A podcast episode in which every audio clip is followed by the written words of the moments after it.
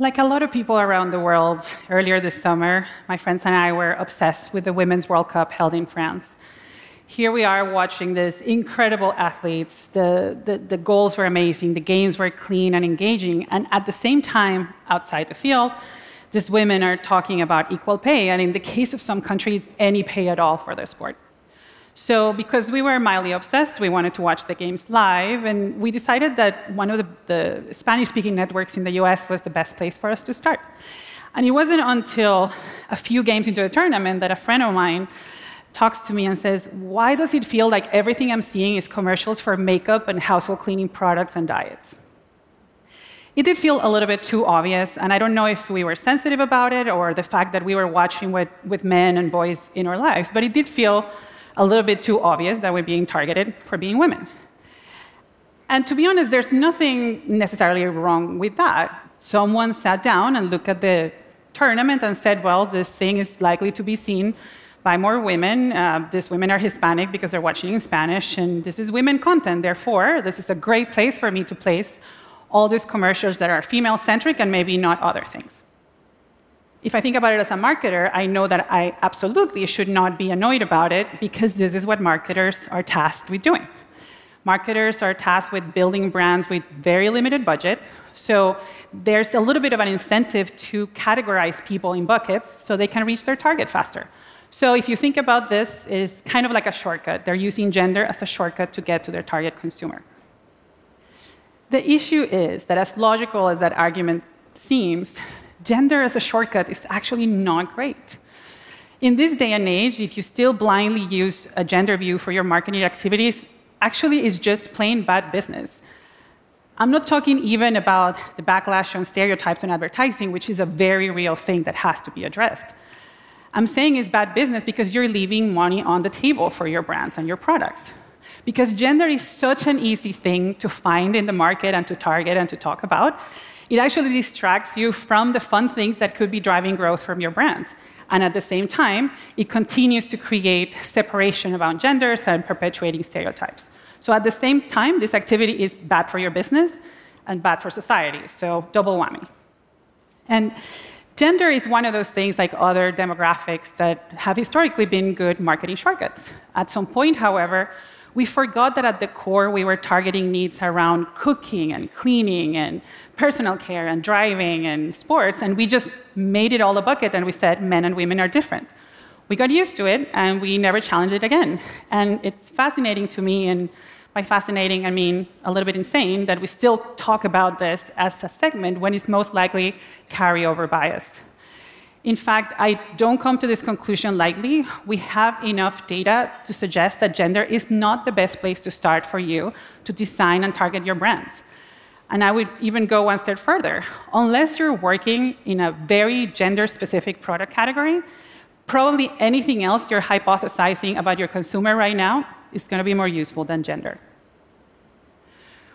We did not set up to draw this conclusion specifically, we found it as consultants, our job is to go with our clients and understand their business and try to help them find spaces for their brands to grow. And it is our belief that if you want to find disruptive growth in the market, you have to go to the consumer and take a very agnostic view of the consumer. You have to go and look at them from scratch, remove yourself from biases and segments that you thought were important. Just take a look to see where the growth is. And we built ourselves an algorithm precisely for that. So Imagine that we have a person and we know a person is making a choice about a product or service. And from this person, I can know their gender, of course, other demographics, where they live, their income, other things. I know the context where this person is make, making a decision, where they are, who they're with, the energy, anything. And I can also put other things in the mix. I can know their attitudes, how they feel about the category, their behaviors. So if you imagine this kind of blob of big data about a person, I'm going to oversimplify the science here, but we basically built an algorithm for statistical tournaments. So a statistical tournament is like asking this big thing of data, show data from everything you know about consumers at this point.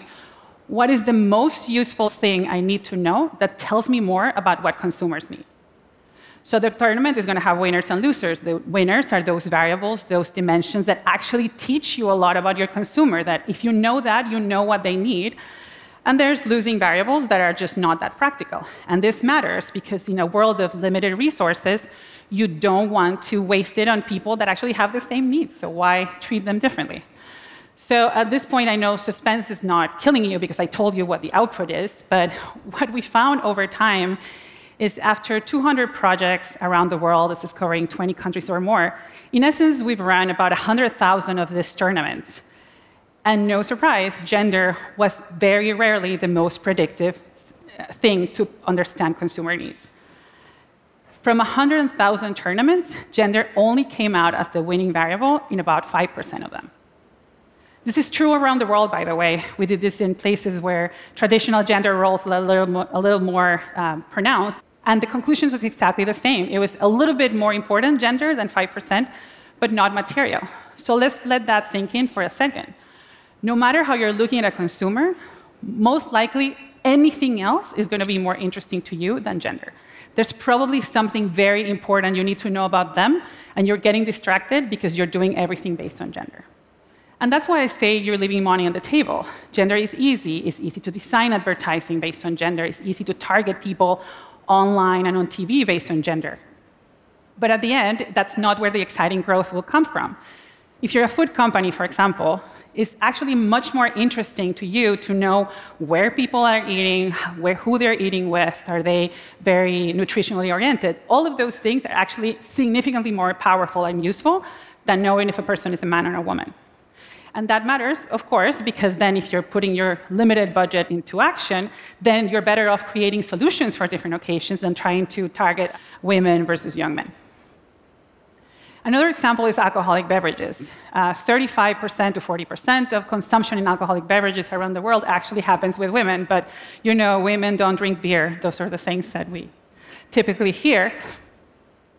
But actually, when a man and a woman are, for the most part, in the same occasion, the emotional and functional needs they have at that moment are very similar.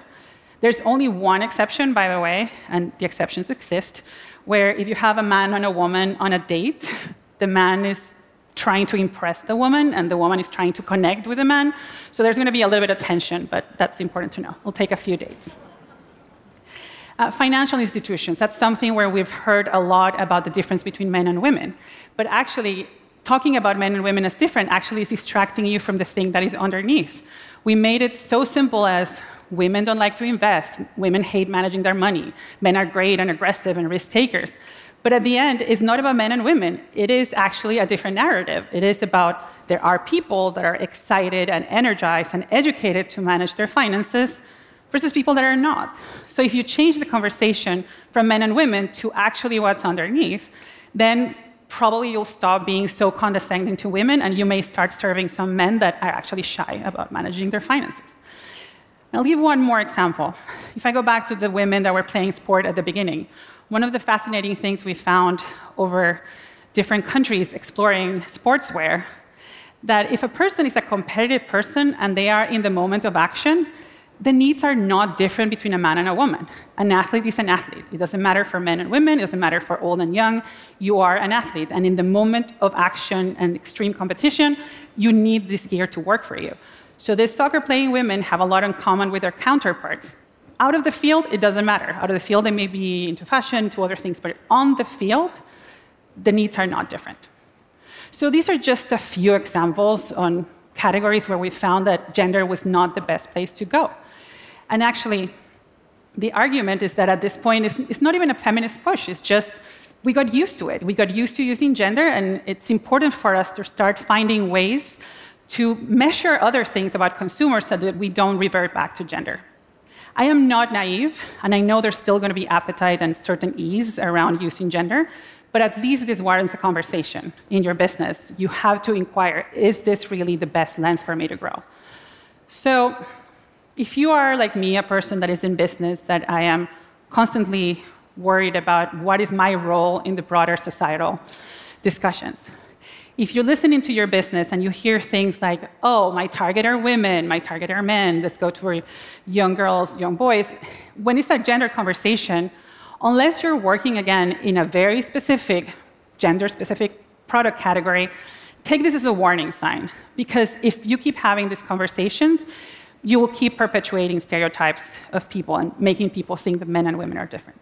But because this is business and we're running a business and we want to grow it, at least kind of challenge your own instinct to use gender because statistics say that you're probably not choosing the best variable to target your product or service. Growth is not easy at all. What makes you think that growth is going to come from going into market with such an outdated lens like gender? So let's stop doing what's easy and go for what's right. At this point, it's not just for your business, it's for society. Thank you.